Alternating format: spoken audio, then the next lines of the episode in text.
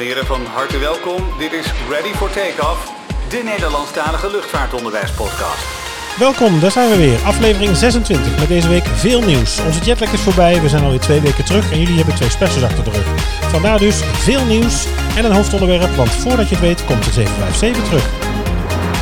Fasten your seatbelts, hier zijn Soner en Mark. Yes, daar zijn we weer. Daar Aflevering we 26. We hebben twee specials achter de rug. Ons verslag eh, vanuit eh, Amerika. En we hebben een special gedaan over de 747. De langzaam verdwijnende Queen of the Skies.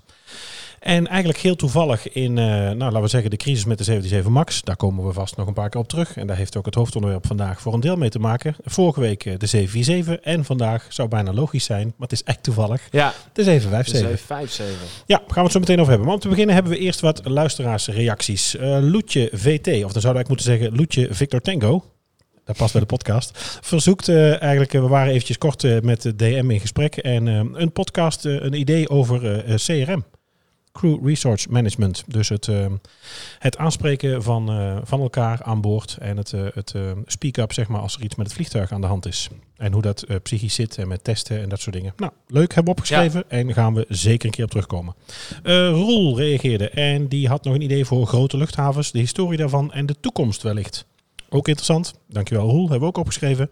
En Jurgen had nog gereageerd en het was wel heel erg grappig. Ik had een Instagram post gedaan, volgens mij een gewone post of een stories, weet ik eigenlijk niet meer. Met een, ehm, ja, we hebben van die screencasting software en ik had zo in mijn podcasting app kom ik altijd achter in de vakantie. Ik luister altijd uh, podcast, eh, vooral als ik eh, op en neer rijd tussen eh, werk en, eh, en thuis. Maar ik had niet veel tijd. Tenminste, dat wil zeggen, ik had veel tijd in de vakantie, maar geen tijd om podcast te luisteren. Dus ik had nog een heel lijstje staan, wat ik nu aan het, eh, aan het afwerken ben. En eh, hij luisterde ook naar dezelfde bovenste drie. Dat was bij mij eh, Formule 1 aan tafel, kleine boodschap en 30 minuten rouw. Wel grappig. Jurgen, bedankt voor de reactie. Ehm, Mark Stevens had een mail naar ons gestuurd en eh, ik had ook geantwoord. En hij reageerde dat hij het leuk vond om een mail terug te krijgen. Hij was licht geïnteresseerd in luchtvaart, is licht geïnteresseerd in luchtvaart. Luisterde nog niet zo heel erg lang, maar wel met veel plezier. En had voor ons een linkje naar een eh, YouTube filmpje over de Concorde, waar we het ook over hebben gehad. Ja. Tijdens onze podcast nummer Oeh, 23 volgens mij, over de prijsklasse. En hoe dat is ontstaan, dat de first class een beetje verdwijnt en dat premium eh, product wat de Concorde was. Maar die had een, eh, een heel interessant filmpje over gebruik van de verf en de effecten daarvan op de kist. Maar we hebben besloten, eh, Mark, om daar in een aparte aflevering nog eens op terug te komen.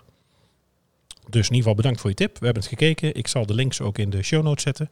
Maar meer over de Concorde gaan we, nou ja, apart een keer een eh, podcastje aan besteden. Zeker. Heb je dan ook een nieuwtje of een tip? Eh, dan is dit weer het moment dat ik altijd even de huishoudelijke mededeling doe. Je kunt ons het snelst bereiken. Dat is op take underscore ready op Twitter. Op Instagram zijn we ready for takeoff pod. Je mag mailen naar readyfortakeoff.summercollege.nl En we hebben een website summercollege.nl slash ready for takeoff. En daar hebben wij een reageerpagina. Dus daar kun je ons altijd vinden. Yes. Dan gaan we beginnen met het nieuws. Sonel, wil jij beginnen? Ja, het was weer raken op Eindhoven Airport. Tweede keer. Tweede keer al. Maar Ja. De Marseille zag dus een grinder aan eh, voor handgranaat. Het is een beetje, Ja. toen ik het bericht voor het eerst in de gauwigheid, dat krijg je natuurlijk tegenwoordig snel leest, denk ik, Marseille ziet Grinder aan voor handgranaat. Dus ik dacht, oh, het is, eh, het, is, het is weer raak. Ja. Op Eindhoven Airport is eh, dus afgelopen zondag aan het begin van de avond door de Marseille man aangehouden vanwege verstoring van de openbare orde. Mhm. De man eh, was afkomstig uit Spanje, had een voorwerp bij zich in eh, zijn bagage dat leek op een eh, granaat.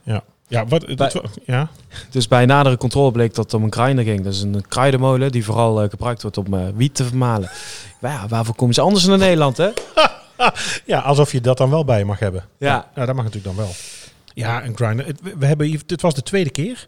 En ik meen, ik weet het niet zeker meer. Ik heb het jou nog gestuurd. We zaten hier even over de app eh, in voorbereiding voor deze podcast. Maar er is al eens eerder iemand uitgehaald waarvan ze dachten dat het een granaat was. Maar dat was volgens mij een parfumfles. Oh, was dat een pafferfles? Ja, volgens mij hebben Victor en Rolf hebben ja flower- Spicebomb. Ja, Spicebomb of Flowerbomb. Nee, Spicebomb voor mannen. En dat leek ook, die fles leek ook op een handgranaat. Die heb ik ook gehad, Spicebomb.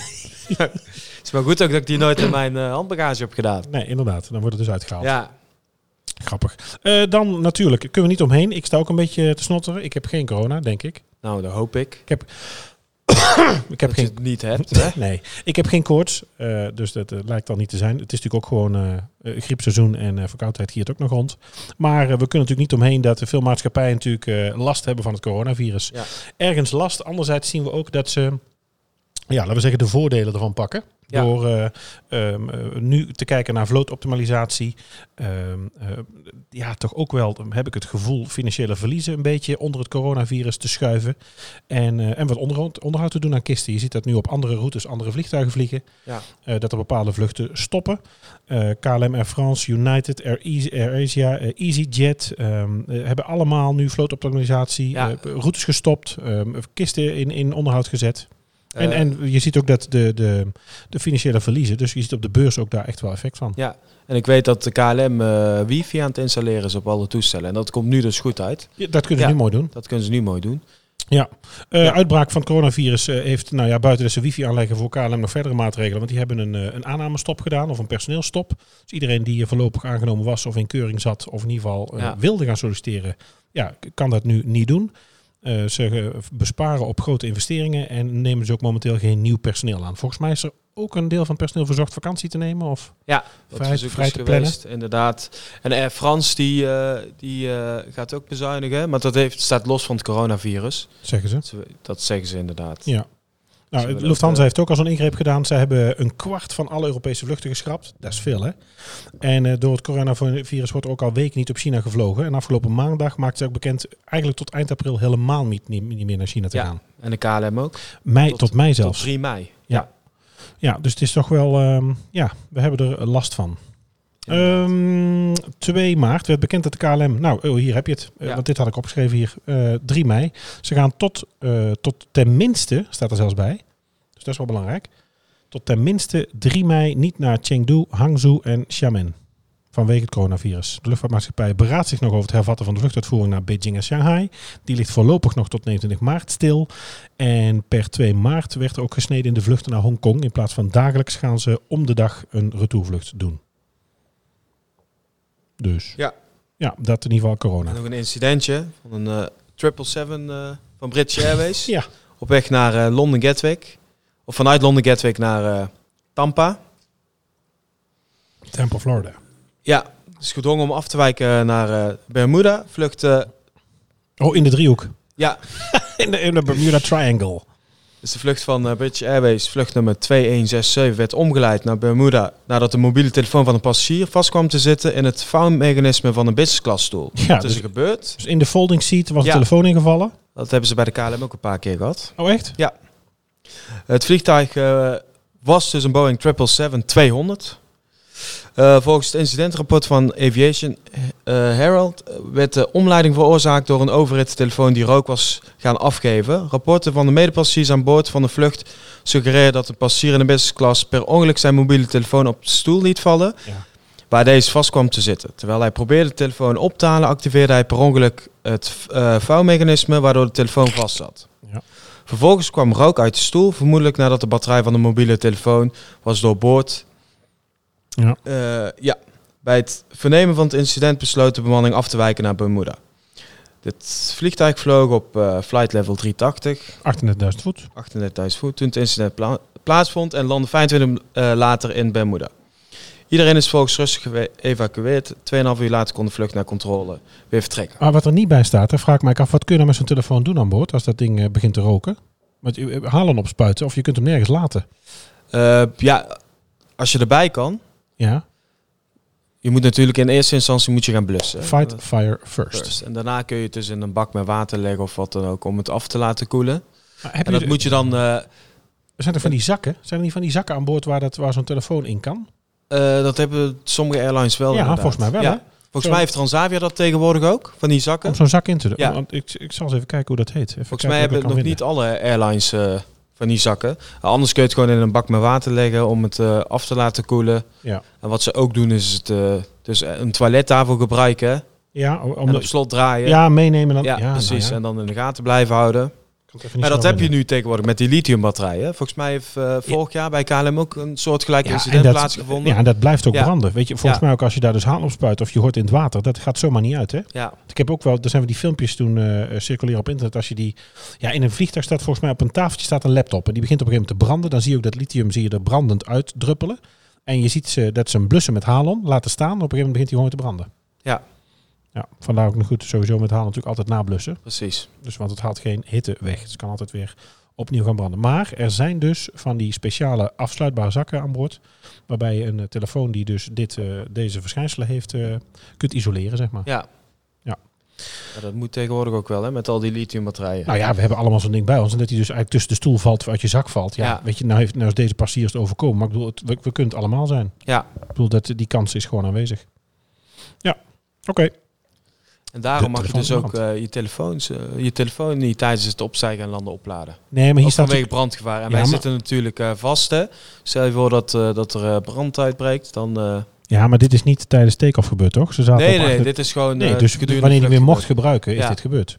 Maar er, wordt, er werd ook in onze vlucht werd ook gespeecht die ik met jou maakte naar Washington. Dat ik, eh, daar zat ik een, een USB-aansluiting, keurig onder het tv'tje.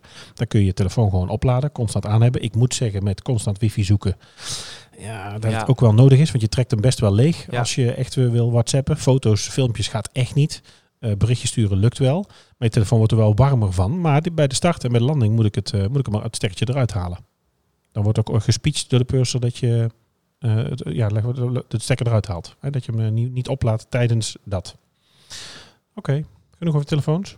Ja, Turkish Airlines vlucht TK1598 van Frankfurt naar Istanbul bleef midden op de startbaan staan. eh, omdat er een, eh, een forward strut, oftewel een, een nose gear, na de landing op de luchthaven van Istanbul eh, kapot was.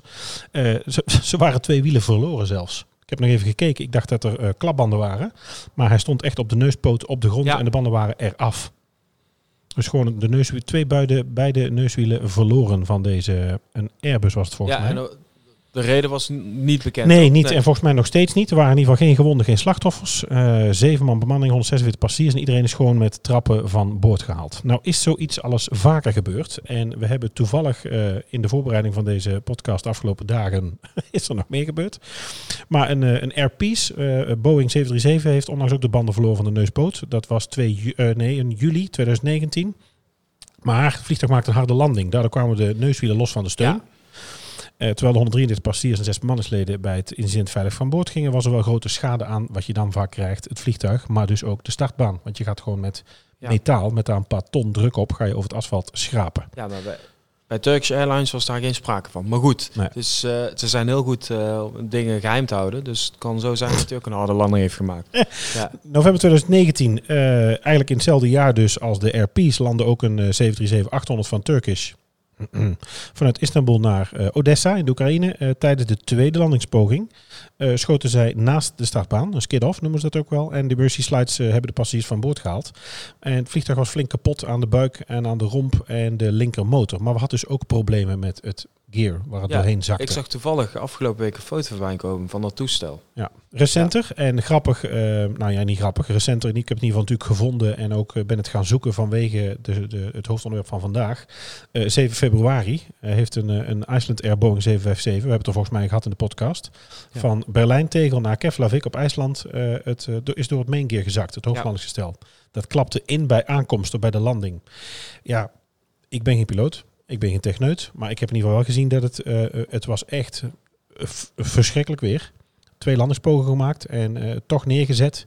Ja, dat heeft denk ik de, de kracht heeft het bepaald, denk ik, dat er eh, Ja, dingen zijn afgebroken en, eh, en ingeklapt. gelukkig geen eh, gewonden. Wat ouder en ook een 757, eh 25 december 1997. Van Transavia. Ja, die Ja. hadden toen nog eh 757's, maar daar gaan we het later nog wel over hebben. Ja, nou goed, conclusie. Ik denk dat dit gewoon wijst op hard tegen de grond aanslaan. Een harde landing en daardoor die schade veroorzaken. We hebben ook al de afgelopen periode die, dat nose gear wat in die A320, 19 binnenkwam. Die neuspoot, A320. A320, wat Dus Jet Blue. de, de- wat gewoon binnen Ja. in het gangetje achter de cockpit eh, naar binnen kwam. Oh nee, dit was een ander incident. Welke bedoel jij nog dan? Van Jet Blue. Wat had hij dan? Omgedraaide... Of, of het neuswiel was Oh, omgedraaid. de, de neuspoot stond dwars. Het stond dwars inderdaad. Ja, dus dat, dan kun je ook niet, eh, niet lekker landen. En dan hebben we nog inderdaad die kist gehad waar de neuspoot binnenkwam. Ja. En dan hebben we natuurlijk nog eh, de Transavia kist gehad die met eh, gearpins is gaan vliegen. Ja. En geland is en bleef staan. Best veel incidenten gebeurd afgelopen tijd. Ja. Ja, grappig. En, nou, en dan had jij ook een incident. Kwam jij gisteren ook nog mee. En Ja. ik had hem ook al in staan. Maar De ook weer Dream- een, Een. Dreamliner van TUI Fly. Zaterdagavond met het landingsgestel door het asfalt gezakt. Ja. Bonaire. Ja, Ik heb er een fotootje bij gedaan. Daar heb je niks aan als je nu podcast zit te kijken. Maar je kunt eventjes googlen op 787 Toei en dan eh Kralendijk. Of Bonaire of vlucht OR394. En dan zie je een, eh, ja, dan zie je daar een foto van, eh, ja, waar lijkt het op? Een landingsgestel wat in zand staat. Ja, het vliegtuig is uiteindelijk wel weer vertrokken, maar het heeft een paar uur geduurd. Eh, ze hebben dus allerlei eh, inspecties moeten uitvoeren. Dat heeft dus een paar uur geduurd en voor vertraging gezorgd. Ja, je wil wel weten Maar dat ze zijn uiteindelijk, probleem eh, oplevert. Ver- vertrokken die dag nog gelukkig. Ja, ja, ja, ja. Ja. Ja, het wordt op de luchthaven nu nog onderzocht. Eh, de directeur momenteel, eh, meneer Hillen, is een onderzoek gestart. En hij was al aangenomen, of in ieder geval bekend bij zijn aanstelling als interim directeur, eh, dat hij instabiel asfalt had gevonden. Instabiele platforms, dat daar iets aan moest gebeuren. Ja. Maar ik zie nu staan hier, hij is in, interim directeur. Daar is toch de voormalige directeur van Eindhoven Airport naartoe? Die wordt toch nu directeur op Bonaire? Ja, Aruba, Bonaire, ik weet het niet meer. Maar die is wel naar de, eh Joost het Caribisch gebied. Even zoeken. Ja. Even snel zoeken hier. Even kijken. Nou, Ja, per 1 september. Per 1 september is eh, Joost Meijs begonnen. Even kijken. Oh, Aruba, niet op Bonaire. Aruba. Vandaar dat ik. eh, ja, sorry. Verwarring. Er wordt dus eh, onderzoek gedaan naar het incident. Dus, Ja. Maar het, het lijkt dus vooral niet. Het heeft dus niks met de kist te maken in dit nee, geval. nee, Het is nee, dus echt het, eh, het echt asfalt. het asfalt. Ja. Ja. Ehm, dan is voor de Crystal Cabin Awards 2020 de Flying V-bedden genomineerd. Op 26 februari eh, de organisatie van de Crystal Cabin Awards, een internationale prijs voor innovaties op het gebied van vliegtuigcabines en passagierervaring, hebben de studenten van de Industrial Design Engineering van de TU Delft de opklapbare bedden eh, uitgevonden en die zijn genomineerd voor, eh, voor die prijs in de categorie universiteit. De winnaars worden bekendgemaakt eind deze maand. Ja, ik denk dat ze een, eh, een grote kans maken. Voor de duidelijkheid, het zijn, eh, we, zullen later eventjes de, de link zal ik in de show notes zetten dat je daar kunt gaan kijken. Maar de, de bedden en de cabineinrichting is bedacht voor die, eh, die, eh, die, flying, die V-Flyer, dat, dat V-vormige vliegtuig. Ehm, in KLM kleuren, volgens mij, tot nu toe gemaakt. Het is ook in samenwerking met de KLM. En ze hebben dus nu die ehm, ja, verschillende zitconcepten bedacht eigenlijk om comfortabeler en lichter te kunnen gaan vliegen. Minder brandstofverbruik, andere materialen, maar ook dat passagiers er beter en lekkerder Ja, bij zitten. lijkt me heerlijk. Ja, heb ik zo meteen nog meer over. Over lekker erbij zitten. Eh, Ja. Vliegtuig van Praag. Vliegveld van Praag had ik eh, gevonden. Kwam ik tegen. Ik weet even niet meer waar. Een, eh, ze hebben een YouTube kanaal. En daar kun jij sinds vorige week, eh, in ieder geval sinds 25 februari, kun je live de landingsbaan zien. Dus je kunt eh, spotten vanaf de bank. Je hoort er trouwens ook de eh, ground traffic control bij. Nee, de air traffic control nog net voordat ze... Nee, ground. Want je hoort ze al bij take-off hoor je ze ook eh, clearance krijgen. Ja. Dat is al de toren, hè, denk ik. Of is dat na take-off pas? Nee, na take-off is het pas de area. Oh, we moeten Bezel hebben. Ja, Bessel zit zich Bessel, nou thuis waar op. ben je? Bezel zit zich nou thuis op te vreten. Die zit te roepen naar de boxen nu.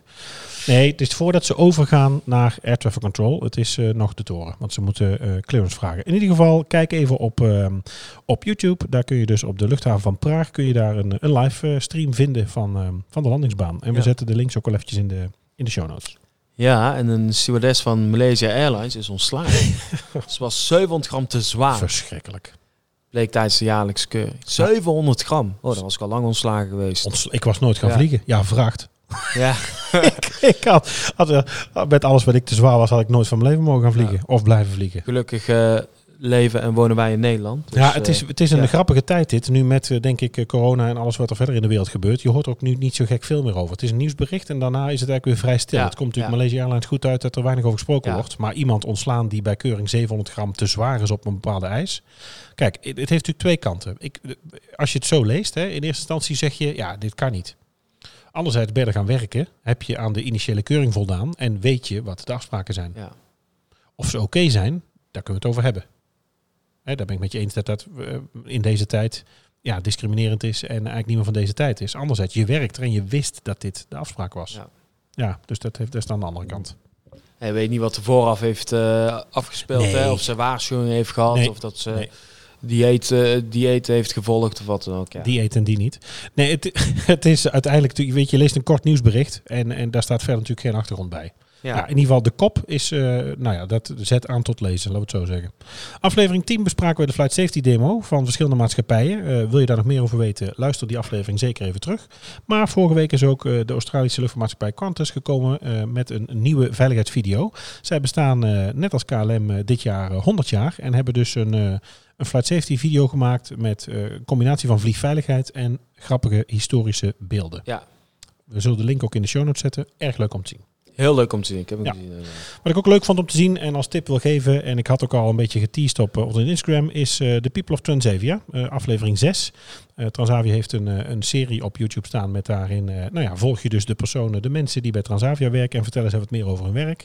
En aflevering 6 heeft natuurlijk mijn bijzondere interesse, want daar heeft Purser Renier eh, verteld dat hij daar het, het roer omgooit en is een The Barber Parlor begonnen voor cool cuts en hot shaves in Rotterdam. Eh de barberparlor.nl kun je hem vinden. Of nee, de barberparlor NL staat hij op Instagram. Is heel leuk. Eh, maar ik vond het ook weer, eigenlijk naast jou en naast andere mensen die je kent, een leuk voorbeeld van iemand die part-time toch nog vliegen niet wil afgeven. Hè, die toch die, die passie heeft om in de lucht te zijn en met Ja. passagiers te werken. Maar daarnaast ook nog een andere droom verwezenlijkt. Precies. Vond ik echt leuk. Dus kijk zeker eventjes op YouTube en zoek naar de People of Transavia, aflevering 6. En wil je meer van Renier zien Zijn en nou zijn... Transavia? De People of Transavia. Moet ik dan zeggen de People of Transavia? Dat is gewoon Transavia. Maar als het dan is eh, eh, in Frans, hoe zeg je, dan, hoe zeg je in Frankrijk dan Transavia? Hoe zeg, zeg jij het maar? Ja, weet ik veel. Transavia. Transavia. Transavia. Transavia. Ehm, The People of Transavia, nummer 6, Purser Renier. En eh, op Instagram eh de Barber Parlor NL. Ja, twee eh, oud-studenten van ons, die komen ook in opnames. Hè? Nou, dat weten ja, we natuurlijk. Of, Ja, dat weet ik niet. We, we hebben natuurlijk twee studenten van ons gezien. Die hebben op, op Insta Instagram gepost. ja, stories gepost dat ze voor een greenscreen staan en dat ze gefilmd worden. ik of dacht dat hiervoor Davo is, was. weet- nou ja, weet ik niet. Stond er daarbij? Dat weet ik niet. Nou, gaan we afwachten. Eh, Transavia verder in het nieuws deze week met een lijntje gelegd naar Edinburgh. Daar vliegen ze tegenwoordig vanaf Rotterdam ja, vanaf naartoe. Rotterdam. Ze zijn ontvangen met de doedelzakken. Wat een herrie. Eh, maar goed, verder wel leuk. En er werden nu ook weer... Ook naar Bilbao. Bilbao, ik, want ja. ze waren zonnebril aan het uitdelen Precies. op Rotterdam. Was volgens mij diezelfde ja, stewardess. eh, zag ik daar eh, in de ring. Oh ja, in je elleboog hè. Ja. ja, heb ik gedaan. You think it's water, but it's not. Ehm, nog een kijktip. ik zit in de kijktips deze week. Eh, Erik Scherder, hoogleraar neuropsychologie. Eh, ik moet zeggen dat ik het een, eh, een inspirerende man vind in hoe hij lesgeeft en colleges. Hij heeft heel wat DWDD-colleges gegeven. Bijzonder interessant.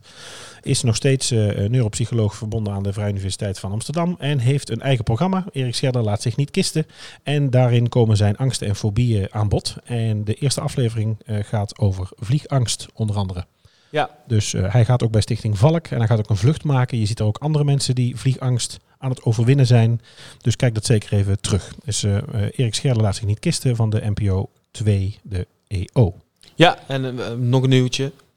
De luchthavens op de Canarische eilanden zijn eh, vorige week dicht geweest vanwege een zandstorm. Zo, heb je het gezien? Dat, ja, en een oud student Oh. van ons die eh, zat daar vast, hè? Dus die heeft een eh ja, extra. twee overdagen Ja, gehad. ja, Dus ik zag ook inderdaad een soort berichtje van Joepie in een uh, foto in het hotel. Ja, ja. Maar het zag er wel uit. Ik had ook, volgens mij heb ik op Instagram ook een foto gedeeld dat je de toren amper ziet staan. In een soort bruinige, gelige lucht. Wow.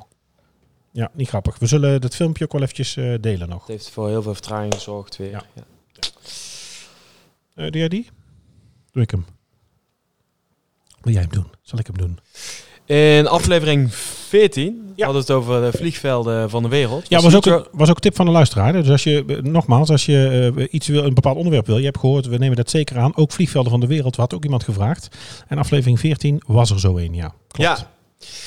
Eh, het was dus het drukste en grootste vliegveld van Europa. De luchthaven Heathrow wordt naar verwachting binnen twee jaar eh, van de troon eh, gestoten Ja. als het grootste vliegveld van Europa. Ja. Parijs-Charles de Gaulle haalt ons in, voorspelt topman John Holland Kay. Ja, ik was nog Ja. in de carnavalsvakantie naar Disneyland Parijs geweest. En ik, dan kom je natuurlijk twee keer onder de start- en landingsbanen bij Charles de Gaulle door. Ik had toch een foto volgens mij gepost van een kist die naar Brazilië ging. Met flightaware even gauw opgezocht natuurlijk. Ja. Is, ja, daar is het ook druk. Volgens mij is eh, Heathrow ook het probleem dat ze graag een derde baan zouden willen. Ja. Maar die mag er niet komen. Precies, ze willen uitbreiden. Ja. Ze hebben dus in 2019 hebben ze bijna 81 miljoen reizigers eh, verwelkomd. Ja. Ja. Dat is een nieuw record. ja, dus Nieuw jaar. record. Ja. Maar eh, ja, Parijs gaat ze waarschijnlijk inhalen. Daar, is, groot daar is die topman in ieder geval bang voor. Het zou goed zijn voor Air France. Natuurlijk, hè, dat Parijs flink aan het Ja, en dan ook weer voor de KLM. ook weer voor de KLM. Het wordt eenvoudiger om naar Turkije op vakantie te gaan. Nou, jij komt er nog wel eens, uh, Sonair, maar vanaf 2 maart heb je geen visum meer nodig. Ook voor inwoners van Oostenrijk, België, Spanje, Polen en het Verenigd, Koning- eh, Verenigd Koninkrijk heeft de Turkse regering de visumplicht afgeschaft. Het scheelt je 32 euro. Ja, en ik, ik herinner me dus nog de tijd dat ik met twee nieuwe tientjes daar in de rij moest staan. Ja. Twee nieuwe, er moesten ook twee nieuwe tientjes zijn. Twee nieuwe tientjes ook. Ja, dat was toen, weet je, je hebt toch, we hebben toch een tijd gehad dat we naar die nieuwe briefjes overgingen. Ja, Eh, dat je dus van die 25 briefjes, eh, eh, die nieuwe, die roze. kleiner die, volgens mij. Hè? ja, die, en dat tientje, dat was dat, ja, dat hele, hoe noem je dat, strak ontworpen, mooi met blauw. En, maar je moest dus twee nieuwe hebben en dan moest je daarmee in de rij gaan staan. Ja, ik heb het altijd gek gevonden, maar goed. Doe maar. Ja. Maar het dan wordt in ieder geval afgeschaft. Dus je kan Ja, gewoon dus je kunt gewoon daar makkelijk kosteloos heen. Daarheen. Gaat erheen, mensen. nee, nou ja, goed. Jij komt er nog wel eens. Ik eigenlijk nooit. Ehm, dan, we hadden het er net eigenlijk over, die, die Flying V, die nieuwe cabine-indeling. Ehm, over dat slapen en rusten. Nou, ik moet zeggen, ik heb een hele fijne vlucht naar Washington gehad, heen en terug overigens. En dan zijn er mensen die kunnen echt overal en altijd, in welke positie dan ook slapen. Er zijn mensen die slapen als een paard en die staan er lopend. Eh, sommigen moeten echt liggen. Nou, ik kan eigenlijk... Nou, in een vliegtuig, of ik nou zit of lig of hang, eigenlijk nooit echt slapen. Ik Zo- wel. Liggend kan ik zeker slapen. Ja? Ja. Nee, ja, ik toch niet. Want Vroeger niet, maar ik, sinds, eh, sinds, Sinds je ik, ouder eh, wordt. Ja, ik word ook wel ouder, ja. Je oud wordt. Oh, ik word deze maand 40. Oh, Oude zak. oh nog 10 dagen. Ah, nou, nekkussens zijn het voor mij ook niet. Dat vind ik ook niks. Heb je, heb je ook Hey, je al- bent op vrijdag de 13e jarig. Ja, dat is al vaker geweest. Niet voor het eerst. Was dat mij dan? Oeh, als het allemaal goed gaat. Ik ga niet vliegen. Dan ga je corona oplopen, denk ik. Zo, wat is dit voor verwensing? Jezus. Man, man, man. Oké, nou, eh, plat liggen. Jij wil dus graag plat liggen. Ja. Daar wou ik eigenlijk naartoe, voordat we het weer over mij gaan hebben. Eh, de prototypes van de nieuwe slaapcapsules van Air New Zealand eh, zijn op 26 februari hebben zij een patent of een handelsmerk aanvraag ingediend voor de Economy Skynest. Dat belooft veel goed voor de mensen die eh, economy reizen. Om daar dus ook, eh, eh, nou ja, laten we zeggen, comfortabel te gaan reizen. Ze hebben een onderzoek gedaan, drie jaar lang. En input gebruikt van eh 200 klanten. Ze hebben een, ehm, een hangar ingericht in Auckland. Waar zij de eerste specificaties en mock-ups hebben staan. En daar hebben ze getest. En die, die Skynest gaat bestaan uit, uit zes lichtplateaus van volledige lengte. Voor economy. Om daar dus te gaan liggen. Ja, als je de foto ziet, ik moet wel zeggen, het is natuurlijk mooi materiaal. Ze hebben dat mooi uitgelicht. Maar in principe ziet het er gewoon uit als een ja, rek. Ja. als een voorraadkast. Ja, Ja, je ligt zelfs als opgestapeld. die slaapcabines in, die, eh, in de treinen. Daar lijkt het ook een beetje op. Nou, Ja. Ja. ik heb nog nooit in zo'n slaapcabine in de trein gelegen, maar Ik vind daar wel een beetje op als het lijken. niet hoeft, kom ik niet in de trein. Ehm, de- ja, je ligt een beetje opgestapeld in een, in een voorraadhok. Het, het zijn dus van die pots. ehm, ze zijn ehm, twee meter lang eh, en eh, 58 centimeter breed. Dat is op zich wel de moeite. Je krijgt dus een kussen, lakens, dekens en oordoppen en een gordijntje. Eh, en dan kun je daar dus eh, lekker slapen. Eigenlijk vergelijkbaar met de bedden in de OCA, hè? Ja, eh, nou, daar, Of li- Red Crew ja, ja. da- daar lijkt het Ja. dan nog wel op. Daar lijkt Daar het dan wel op. dus ook een gordijntje zitten Ja. en eh, Ja. hangen. Nou, of het, ehm, ehm, ja, weet je, die, het is natuurlijk een leuke ontwikkeling. Het is natuurlijk een, een antwoord op, eh, op meer mensen vervoeren. Het is een antwoord op meer comfort. Het is een antwoord op lichtere materialen, op brandstofverbruik. Dus of het echt gaat vliegen, nou ja, weet je, het lijkt hoopvol. Het ziet er goed uit. Ze hebben de certificering dus eh, eh, in ieder geval ingediend. En ja, we gaan het zien. Ik ben heel benieuwd. Je, je krijgt denk ik wel wat meer kwaliteitsrust. Ja. Het zal denk ik wel werken voor sommige mensen. Eh, dan oude liefde eigenlijk voor mij. Ik, ik kwam het tegen en eh, ik wil het er gewoon kort even over hebben. Maar 21 februari heeft eh, de Gulfstream Aerospace Corporation, een volledige dochteronderneming van General Dynamics, aangekondigd dat ze de nieuwe eh, G700, de Gulfstream 700, zijn eerste vlucht heeft gemaakt. Dus ehm, eh, nou, na flinke tests is om, ja, heb ik hier dus, dat is dus voor mij heel erg grappig, om eh 13 uur 19 vanuit Savannah Hilton Head International Airport heeft een, eh, een G7, een, eh, een Gulfstream 700, 2 uur en 32 minuten gevlogen. Op een vlucht van 30-70 mix verhouding aan duurzame vliegtuigbrandstof. Dat is bijzonder. Dat is bijzonder. Ehm, sowieso ziet het er eh, heel strak uit. Heel mooi ding. Eh, waarom ik het wilde noemen. Ik heb natuurlijk eh, bij de luchtmacht een, een kleine zes jaar met de Gulfstream de wereld overgevlogen. Ben ook heel vaak in Savannah en op Hilton Head International geweest. Dus ja, voor mij valt het altijd nog op. Ik vind vooral dat deze cabine is dus nu wat langer, wat breder en wat hoger. Ik kon in onze Gulfstream van de luchtmacht eigenlijk nooit echt goed staan. Eh, en eh, eh, de- wat ik het mooiste aan vond zijn die, die ovale ramen waar Gulfstream patent op heeft. Als je kijkt naar de bouw van een vliegtuigrom, dan zijn rechtopstaande ovale ramen Ja, het beste natuurlijk om de druk te verdelen. Nou, zij hebben een patent en uitgevonden dat je liggende ovale, vrij grote ramen in de cabine heeft, eh, hebt en dus heel mooi kunt buiten kijken. Vond ik in Ja, ieder ik heb mooi. foto's van jou voorbij zien komen. Ja, is leuk hè? Het prachtig uit. Ehm, ja, weet je, dan misschien voor nerds. Dit vliegtuig kan eh Mach 0.9 vliegen. Eh, dat kan hij voor eh, 6.500 mijl zo'n beetje doen. Dus hij kan eh, bijna 12.000 kilometer afleggen. Op, eh, op long distance cruise bijna 14.000. En dan hebben zij ook die, eh, dat eh, Symmetry Flight Deck helemaal dus glas. Dus helemaal schermen. En ze kunnen dat helemaal met elkaar uitwisselen. Dus waar je ja, je flight indicator hebt of waar je kompas hebt of waar je route hebt. Dat kun je met de captain, met de co-piloot kun je helemaal gewoon switchen en van alles. En dan hebben ze een Predictive Landing Performance System. Ik weet al dat ze in de tijd dat wij nog met de Gulfstream, met de G4 vlogen, die nu overigens nog steeds vliegt. Ik zag trouwens helemaal wit. Hebben we het al eens eerder over gehad, maar hij staat natuurlijk, ze willen er eigenlijk volgens mij vanaf. Ze willen eigenlijk een nieuwe. Dus ik denk om de verkoop Ja. makkelijker te maken, is hij na het laatste onderhoud niet meer in, eh, in luchtmachtkleuren gespoten. Eh, maar toen kwam eh, de FLIR eigenlijk net uit. Forward Looking Infrared. Waardoor je dus mee door bepaald wolkendek en bepaald weer kon kijken met infrarood. Zo'n klein eh, eh, bolletje zie je dan onderaan de neus hangen.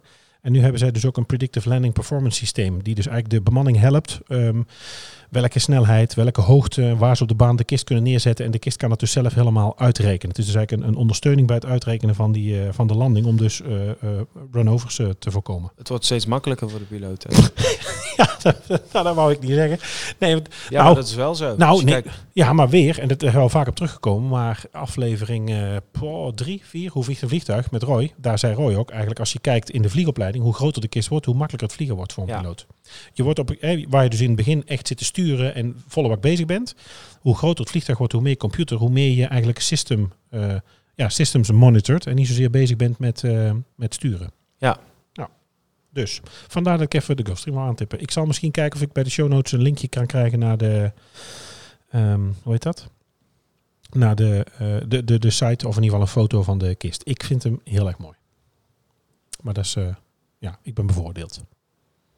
Ja, het is ook een heel mooi, eh, het is ook een mooie kist. Ja, ik vind het mooier dan de Cessna. Ja. Of Citation bijvoorbeeld. Ja, een Bombardier, we hebben er meer. Ja. wat hadden we? Ehm, ehm, Global Express. Die kunnen we het Falcons. Dat is een beetje Ja. dezelfde range, hè? Ja, Falcons vind ik ook wel mooi hoor. Ja, het is natuurlijk Frans. Ik vind dat neusje, die raampjes vind ik niet zo mooi. Die derde motor, die staartmotor, vind ik vaak wel weer grappig. Om te zien. Nou, Ja. anyway. Nou, laten we het eh, hoofdonderwerp eh in. Nee, we hebben nog één nieuwtje. Nog een hoofdnieuwtje. Nee, we hebben nog één nieuwtje. Eh? China Airlines. Die eh, wil. eh, de, er is een petitie Oh ja. gestart om, om China Airlines te veranderen in Taiwan Airlines. Omdat de verwarring voor de naam van de luchtvaartmaatschappij heeft geleid tot onnodig coronavirus verboden in de, de regio Asia Pacific. Dus volgens de Asia Times verbood Italië ten onrechte China Airlines een IVA, IVA Air vlucht op 30 januari om naar Italië te vliegen. Omdat het eh, eh, alle Chinese luchtvaartmaatschappijen verbood. Ja, Nou, een maandverbod voor Vietnam, dus ook eh, voor China Airlines, eh, terwijl daar weinig risico is. En eh, politiek protest, vandaar willen ze dus die, is er een petitie om die naam te veranderen. Dit lijkt een beetje op TUI en Trump die de 737 MAX een andere naam willen Ja, geven. ja. Dan wordt het vliegtuig ook ineens veiliger van. precies. Ja. ja. Ehm, nou, de 737 MAX. We maken onbedoeld eigenlijk een heel mooi bruggetje. Het hoofdnieuwtje. ehm, het antwoord op de ellende van de, de Boeing die een MAX-versie heeft eh, van de 737. Om misschien een, eh, nou ja, MAX is misschien de verkeerde naam, maar om eh, de 757 opnieuw aan te slingeren. Wat vond jij van het idee gewoon zo? Heb je een heel vliegtuig ontworpen en zoveel problemen mee en je gaat ineens over naar een ander toestel. Ja, dat lijkt me, Maar verwacht jij dan dat de 737 MAX nog gaat vliegen? ik denk het wel. Ja? Ja. Dus nu Als alle met, problemen opgelost zijn, dan... ja, maar er eh, kwam weer wat bij nu, hè? Wat ja. was er nu weer? We hebben weer iets gevonden. Er was weer iets nieuws. laatste was eh, dus vuil in de, in de brandstoftanks. Ja, er is nog iets nieuws. Oh shit, dat, we nou hier, weer- dat ik nou hier weer sta en dan weer... Even kijken. Nou, in ieder geval verwacht jij dat hij gaat vliegen. Jij denkt dat hij nog gewoon Ja, met... met uiteindelijk wel. En ik denk dat ze hem gewoon een andere naam gaan geven. Ja? Ja. Ja, Toei heeft dat voorgesteld, hè. Eh, Trump heeft dat al heel snel geroepen. Ja, het is natuurlijk... Maar wat denk jij dan? Ik denk dat dat ding nooit meer vliegt. Ik denk dat hij nooit meer vliegt. Ik denk dat ze nu, eh, wat, ze hebben er 400 gebouwd hè, of zo. Die 400 is nu een probleem. Ik denk dat ze die klap gaan opvangen en dat gaat heel erg zeer doen. Dat die 400 kisten gewoon eh, teruggenomen moeten worden. Die eh, maatschappij moet gecompenseerd. Dat is voor een deel natuurlijk al aan de hand. En dan denk ik dat ze toch eventjes een tijdje, wat ze natuurlijk heel vervelend vinden, eh, in Amerika de- het podium zullen moeten geven aan Airbus. Die minder problemen heeft met de Neo eigenlijk qua motoren. En Ja. met verkopen aan bestellingen in ieder geval nu beter gaat. En dan zullen ze denk Het ik zijn dus... alleen die motoren hè, bij... Ja, ja. Ja. Voorlopig, hè? Voorlopig, ja. Eh, en dan, ja, dan denk ik dat ze toch iets anders moeten gaan bedenken. En dan was dit dus een, ehm, ja, een idee. Om dus die 757 opnieuw uit te gaan brengen. Er vliegen er nog een aantal, niet zo gek veel meer. Maar die, die 757 zou, eigenlijk qua, ehm, qua kist in het, in het missieprofiel wel passen van veel maatschappijen die die vluchten nu doen met die, met die 73. Het is ook een single-out toestel. Je hebt ook 3-3 eh, seating. Hij is alleen iets smaller en veel langer. En Ja. iets hoger. Ja, hij staat hoog op zijn poten. Ja. Ik vind het een heel mooie kist, dat heb ik eh, al eerder gezegd. Het is, eh, het is overigens een, eh, een, een, een succesverhaal. Hè? Dit is een, weet je, waarom zou je niet iets wat goed is weer eh, ehm, ehm, terug inzetten of daar iets wat niet zo goed gaat mee vervangen? Ze hebben er destijds een kleine ja, duizend van verkocht. Ze vliegen er al zo'n kleine 25, 30 jaar mee.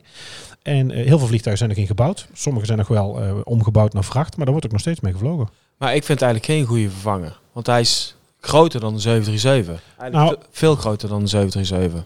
Ja, maar, maar dan kan dat ook niet wel een oplossing zijn. Als je nu kijkt dat er pff, eh, 50, 60 vluchten op een dag van, eh, van Amsterdam naar Londen gaan. Als je dat nou eens met minder toestellen doet die net iets groter zijn. Die ook iets zuiniger zijn natuurlijk. Ja. Want als jij, je gaat, dan die, eh, je gaat Ja. hem nu dus, je gaat hem plussen. Hè? Je, gaat, je gaat er iets aan tweaken. Je gaat een 757 Max uitbrengen. Nou ja, laten we het antwoord toch maar even gebruiken. Dus je gaat daar zuinigere andere motoren aan hangen. Ook met die chevrons. Je gaat er misschien winglets aan zetten. Maar dat is dus efficiënt Andere? op routes waar veel op gevlogen wordt. Maar Ja. je hebt ook bestemmingen waar minder op gevlogen wordt. Dan is het dan weer niet efficiënt. Nou, kun je met een Airbus gaan vliegen. Ja. Maar Ja. als je, ja, Ja, al, het heeft zijn voor- en nadelen. Eh, Ja. Dat is sowieso, Ja. sowieso. Maar je ziet wel de tendens. eh, ik denk wel dat bij, tendens, de, de, bij KLM de tendens is ingezet om alleen maar om single, om alleen Boeing te gaan vliegen. Hè, je ziet daar de A330's gaan er langzaam uit. Eh, de, de 747 stoppen een beetje. Daar komen 787's voor terug. Ze kiezen bij de KLM ook niet voor A350's. Dat hebben ze duidelijk eh, zo gedaan.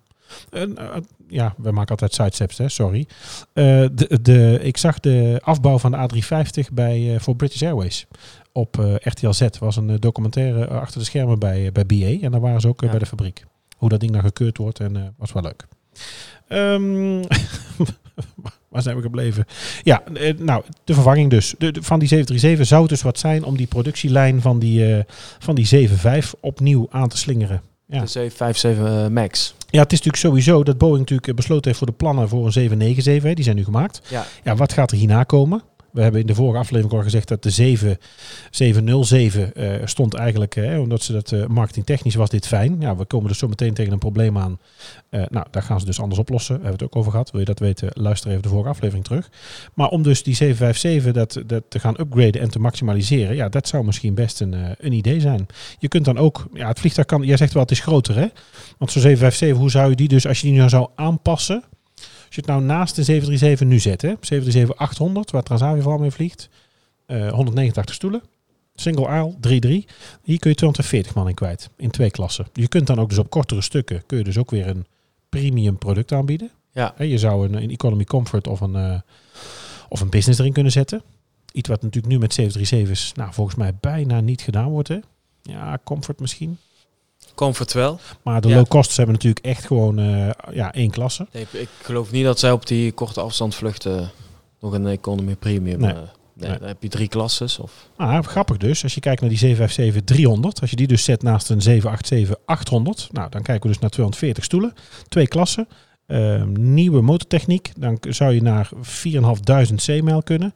En verder heeft het eigenlijk weinig eh, verbeteringen nodig aan de cabine. Ja, weet je, je kunt wat, wat, wat bakken, wat ledverlichting, de winglets zou eraan kunnen. In wezen eigenlijk dezelfde upgrade die Airbus nu eh, gedaan heeft, van A320 naar A320 Neo. Daar lijkt het op. ik vind hem ook een beetje op de Airbus lijken. Qua vorm. Ja, de, ik denk dat dat Ja. een beetje de, het ronde neusje. Ja. Eh, de meeste Boeings hebben een wat spitsere neus, denk ik. Ja. De, de, de 757 heeft een wat rondere neus en is wat slanker. Dat heeft denk ik een Airbus eh, ook. Maar ik, er wordt onderzocht. In ieder geval, dit is niet zomaar iets. Eh, dit is van eh, Nicholas Cumming van Cummins. Simplyflying.com heeft dus hier een heel artikel over geschreven. Ik zal het delen in de show notes. En hij geeft aan dat het voor Boeing mogelijk zou zijn en goedkoper zou zijn om te stoppen met de Maxen. dat verlies te pakken en dan de, de productielijn om te bouwen naar, naar de 757. Ja.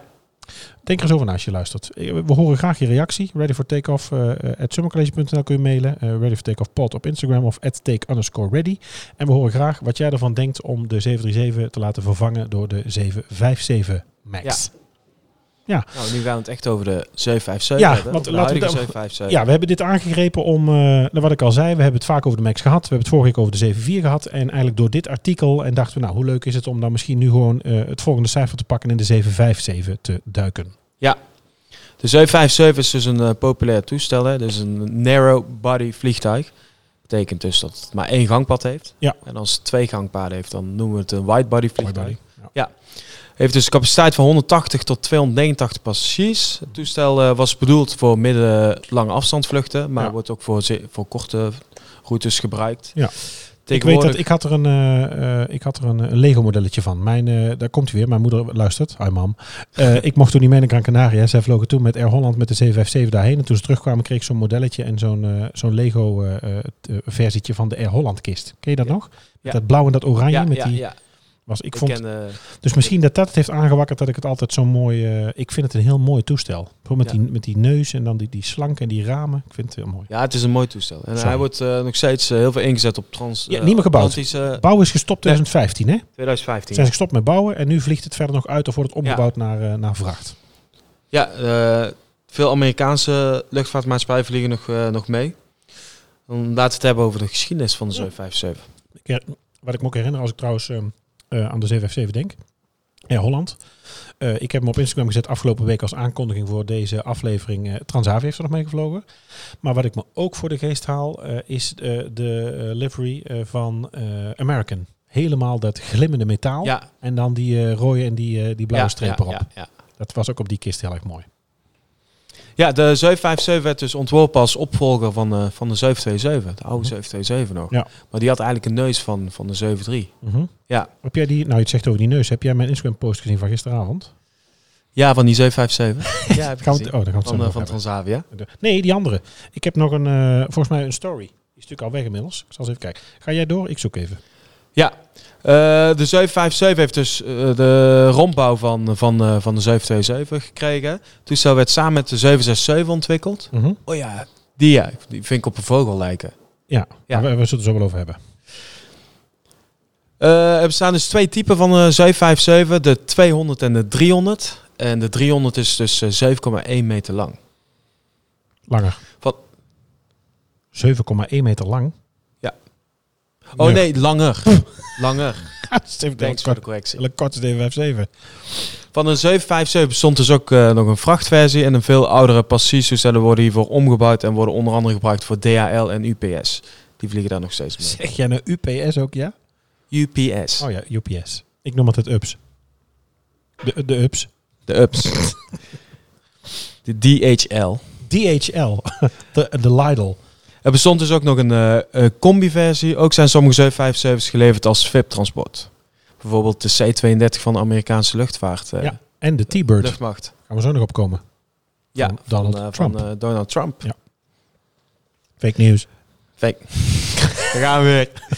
De Boeing, de 757 maakte dus op 19 februari zijn eerste proefvlucht. De productie liep van 1982 tot, tot 28 oktober 2004. Oh, vier, ik dacht... 2014. Zei ik nou 15? 15, dat vond ik al zo laat. 2004. 4, dat was, eh, ja. Het toestel was eh, bestemd voor Shanghai Airlines. Zij waren dus de eerste. Ah, In totaal zijn er dus 1050 toestellen gebouwd. De taak van de 757 wordt in toenemende mate overgenomen door de 737-800.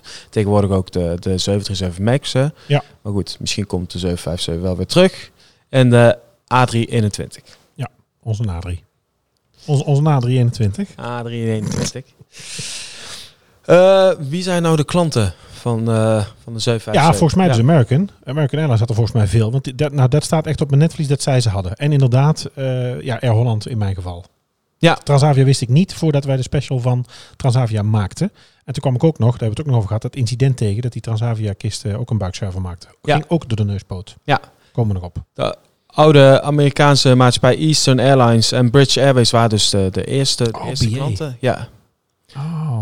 Maar ik heb ze nooit in een BA-livery gezien eigenlijk. Dat is Ik heel, niet. heel lang geleden. Ik ga eens even zoeken ondertussen. Er wordt dus vooral in de Verenigde Staten met de 757 gevlogen. Hè? En eh, in Europa zie je ze bijna niet meer vliegen. Het zijn dus eigenlijk meer de cargo eh, airlines. Ja, DHL kan ik, dus dat geel met die eh, DHL, dat geel met die rode strepen, daar kan ik me wel voor de geest Ja. halen. En UPS ook. Ja, Ja. ups. Oh ja, in Europa nog wel trouwens. De? Condor vliegt er nog mee. Ah, Ik zag hem laatst nog op eh, Düsseldorf staan. ach ja, dat Ja. is waar, ja. De oude de Thomas Cook poot. Ik heb hier trouwens die eh, dingen gevonden van eh, BA. Kijk. British Airways. Oh ja.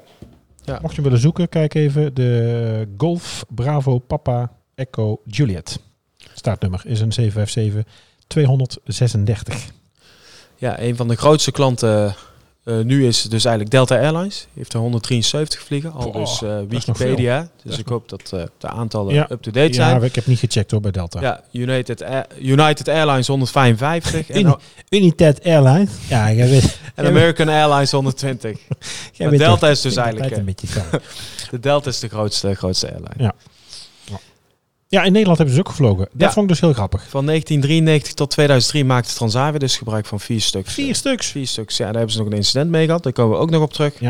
Ja, ze gingen er toen mee naar eh, verre, drukke Europese routes. Ja. Of vakantievluchten naar Nepal, eh, Colombo en Sri, Sri Lanka. Lanka. Sri Lanka.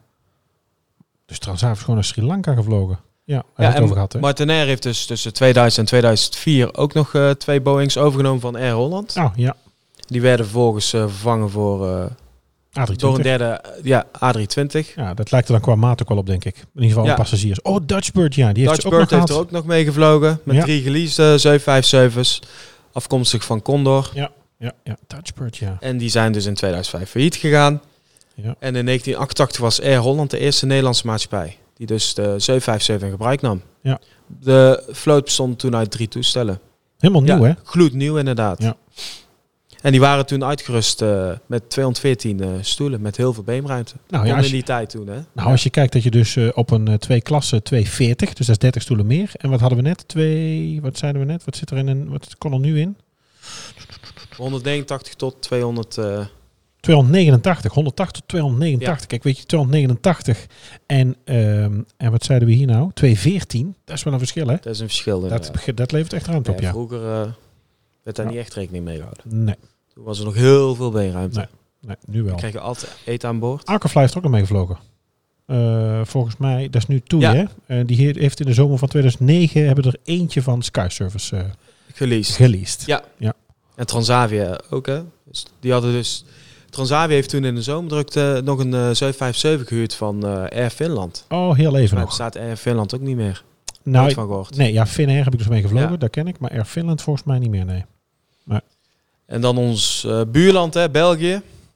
TNT Airways heeft nog één 757 in dienst. En European Air Transport heeft 11 Boeing 757's in dienst. Dus Ja. een cargo airline. Ja, welke zijn er dan? Je hebt dus, eh, jij zei al die 757, eigenlijk de Dash 1 of de 100. Hè. Het Ja. is natuurlijk ook tegenwoordig wordt alles Dash 8, 9, 10 uh. Prototype. Ja, die heeft dus, eh, dat heeft niet commercieel gevlogen. De 200 wel. De 200F was een freighter. Daar kwam nog een 300 op. En eh, kijk, nou ja, daar kun je dus als je de podcast uitkomt. Het is nu dinsdagmiddag, dus donderdagochtend kun je dat niet meer zien. Maar ik heb afgelopen week een, een Insta-story gedeeld. Ik zal het linkje misschien erbij zetten van de 757 F22 testbed. Ja. Een, eh, je ziet dan een, eh, 757 met de neus van een F22 Raptor. Met daarboven ook een, eh, een vleugelopzet daarvan. De antenne aan de zijkant. Om dus, eh, ja, ik denk, tenminste zoals het er naar uitziet, om de aerodynamica en de vorm van eh, die nieuwe F22 te testen. Ja. En dan, ik zei het net al, De Trump Force One. Ja. Ja. De president is sinds 2011 eigenaar eh, van dit toestel. Ja. Het registratienummer eh, november 757 Alpha Foxtrot. ja, Air Force. Ja. Moet je nagaan wat een ego deze man dus heeft. En 757 AF. Nou vliegt Ja, dus en hij heeft dus- Air Force One, maar goed. Hij heeft zodanig aan laten sleutelen dat het voldeed, volledig voldeed aan zijn wensen. Hij heeft natuurlijk heel veel wensen. Ja. Het is ook onduidelijk wat er met die 757 gaat gebeuren, maar zijn familie eh, vliegt er vandaan. Ja, hij heeft hem Ja. gewoon nog. Hè. Bedoel, Hij, heeft natuurlijk nu gewoon, hij heeft nu ook een 757 tot beschikking. Hè. Want ze hebben natuurlijk ook eh, waar de vice president vaak mee vliegt. Of als Melania de vervoerd Air wordt. Force One. Ja, of als ze hebben natuurlijk in principe die 747's, Ja. die SAMs. Eh, dan hebben ze nog dat, eh, die Doomsday planes erbij. Vier stuks. Ze hebben natuurlijk twee van die 747's. En ze hebben ook een 757 staan. Ja. Eh, die kunnen ze als backup plane ook nog vaak gebruiken voor korte tripjes. Of daar worden andere mensen mee vervoerd. In ieder geval ook wel eh, de vice president. Maar ze hebben in ieder geval, deze heeft hij dus ook nog. Hè. Hij noemt het ook zo'n T-Bird. Ja, Ja, hij heeft hem Het toestel- gekocht. Ja, het is, een, het is geen nieuwe, toch? nee, nee, heeft hij. eh, het is een. eh, toestel werd dus eerst geleverd aan. Stop met klappen. Je zit constant te klappen. Einde van iedere zin. Maar ik ben vandaag best energiek. Ik Oh, is uitgerust hè, in, eh, in de vakantie. Het werd dus eerst geleverd niet aan... gevlogen eh, zeker? ik heb niet gevlogen. Nee, ik heb vakantie. Kijk, zie je. Ook daar had ik vakantie. Sterling Airline. eh, het is een eh, Deense low-budget maatschappij. Die zijn ook al inmiddels failliet gegaan, een Ja. paar jaar geleden. Ja. Oké. Kan je hem nog herinneren? Kan je hem nog herinneren? Nee, kan je hem nog herinneren? Ken ik. Herinnert u zich? Herinnert u zich deze nog? Nog? Nog? Dus nog? vliegtuigen die helemaal in het rood waren beschilderd. Rood, blauw. Och, hij weet het weer. Ja. Echt? Een Deense, Deense airline, ja. Ik ga nou zoeken. Sterling Airlines. Images. Oh. Huh? Blauw, ja. Blauw met dit. Helemaal een groene. Ja. Helemaal een rode. Ja. Sterling.eu. Oké. Oh, helemaal blauw ook. Daar hebben mijn Geel? ouders ook mee naar eh, Kopenhagen gevlogen. Wat is dit voor iets raars? Ja. Geel. ge- Oké. Ja. Lelijk. Dus daar is eh, dat toestel van geweest. Ja, hij is net zo oud als ik, dat toestel. Ja, Sterling Ja. Airlines. Eh, daarna, 28 heeft hij, jaar oud, daarna heeft hij nog in Mexico gevlogen. En daarna heeft hij hem gekocht. Ja. Toen is het een privékist geworden. Van eh, Paul Allen, co-founder van Microsoft. En daar heeft Trump hem van gekocht. Ja. Dus hij is de vierde De vierde eigenaar. eigenaar, voor het in ieder geval zo, nu zo eh, lijkt. Ik heb wat, ehm, ehm, wat feitjes. Eh, want daar werd natuurlijk ook naar gevraagd. Ook een, een verzoek online. En ik moet even kijken nu. Kwam van, ik was in gesprek met, volgens mij onder de post van eh, gisteren. Oh, dat heb ik niet opgeschreven. Ja, dat kan ik hier wel vinden. Moment. Oh, Van Dijk. Van Dijk RJ eh, heeft al vaker gereageerd. Welkom, leuk, bedankt, fijn dat je luistert. Wat er speciaal was aan die 757 van eh, Trump. Daar gaan we nog wel verder op in. Maar ik zal een linkje plaatsen. Buiten wat we nu eh, gemeld hebben, zal ik een linkje in de show notes zetten. Die verwijst naar een artikel waar ze eigenlijk even die, die kist helemaal bespreken. Aerotime.arrow. En daar kun je wat, wat facts vinden van die, eh, van die 757. Nou, buiten wat we nu al genoemd hebben. Goed. Incidenten. Wil jij ermee beginnen? 757. We sluiten Ja. altijd in, eh, met gezelligheid af. Precies. Op 25 december 1997 zakte dus de 757 van Transavia op Schiphol. Eh, Ja, Na een harde landing. Ja. Door zijn landingsgestel. ja, Ja. windstoten, eh, windshear. Er zijn veel, toen vier licht gewonden gevallen. Ja. Dus dat viel toen gelukkig wel mee. United 93. Ja, wil jij die doen? Ja, die was, eh, dat was ook een 757. De lijnvlucht van eh, Newark International Airport eh, in New Jersey naar San Francisco was een 757-222. En vloog op 11 september 2001 was dit United 93 en was een van de vier vliegtuigen die gekaapt was als onderdeel van de terroristische aanslag. En dit was het enige vliegtuig dat zijn doel niet zou bereiken. En in plaats daarvan stort hij neer in Shanksville, Pennsylvania, ongeveer 240 kilometer van Washington DC verwijderd. Deze had waarschijnlijk ehm, ja, ook richting Pentagon of naar het Witte Huis gemoeten. Nou ja, erin eigenlijk. Aero Peru vlucht 603, lijnvlucht van Miami naar Santiago. Een tussenstop in Lima, 2 oktober 6 1996 gecrashed. Deze 757. Eh, die voerde de vlucht uit eh, ehm, in de Grote Oceaan, ging die neer. En alle 70 inzittenden zijn overleden. En op 6 februari eh 96 crashte Bergen Air vlucht 301. Deze vlucht was als bestemming Frankfurt. Maar crashte vlak na de start in eh, Puerto Plata Airport in eh, de Dominicaanse Republiek. Heb ik goed uitgesproken? Puerto Plata. Puerto, Puerto Plata. Puerto Plata. Hola, Puerto Ja, Plata. alle 176 passagiers en eh 13 bemanningsleden kwamen eh, om het leven. En op 1 Later bleek dus dat die eh snelheidsmeter eh, niet goed werkte. Ja. Zoals de Turkish Airlines vlucht, die is neergestort eh, in Amsterdam. Ja, radiohoogtemeter, hè? Ja, radio. Oh ja, Dat is iets anders, hè? Ik had het al waar. ja, ja. goed. Scherp, scherp, maar... Ja. Eh, 1 juli 2002, eh, dat is eigenlijk de laatste 757 waar iets mee gebeurde.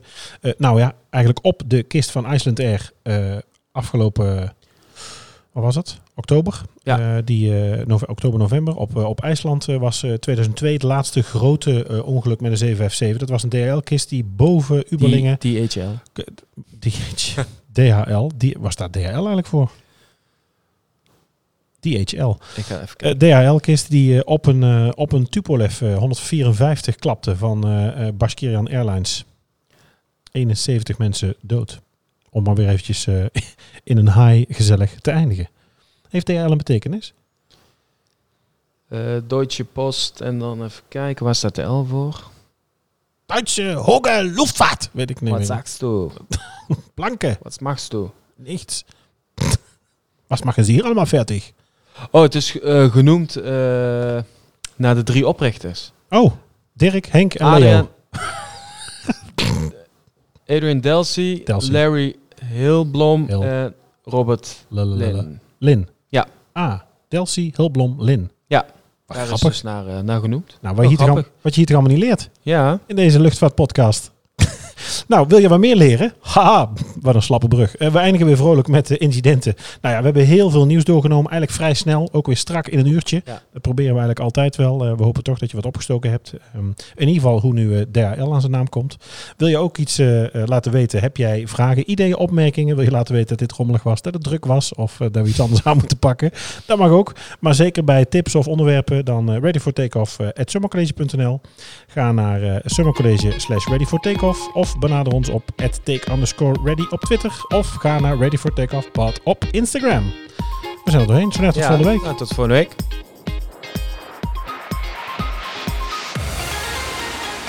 Dit was Ready for Takeoff. Denk aan je persoonlijke bezittingen, volg ons op onze socials, vergeet je niet te abonneren en tot de volgende keer.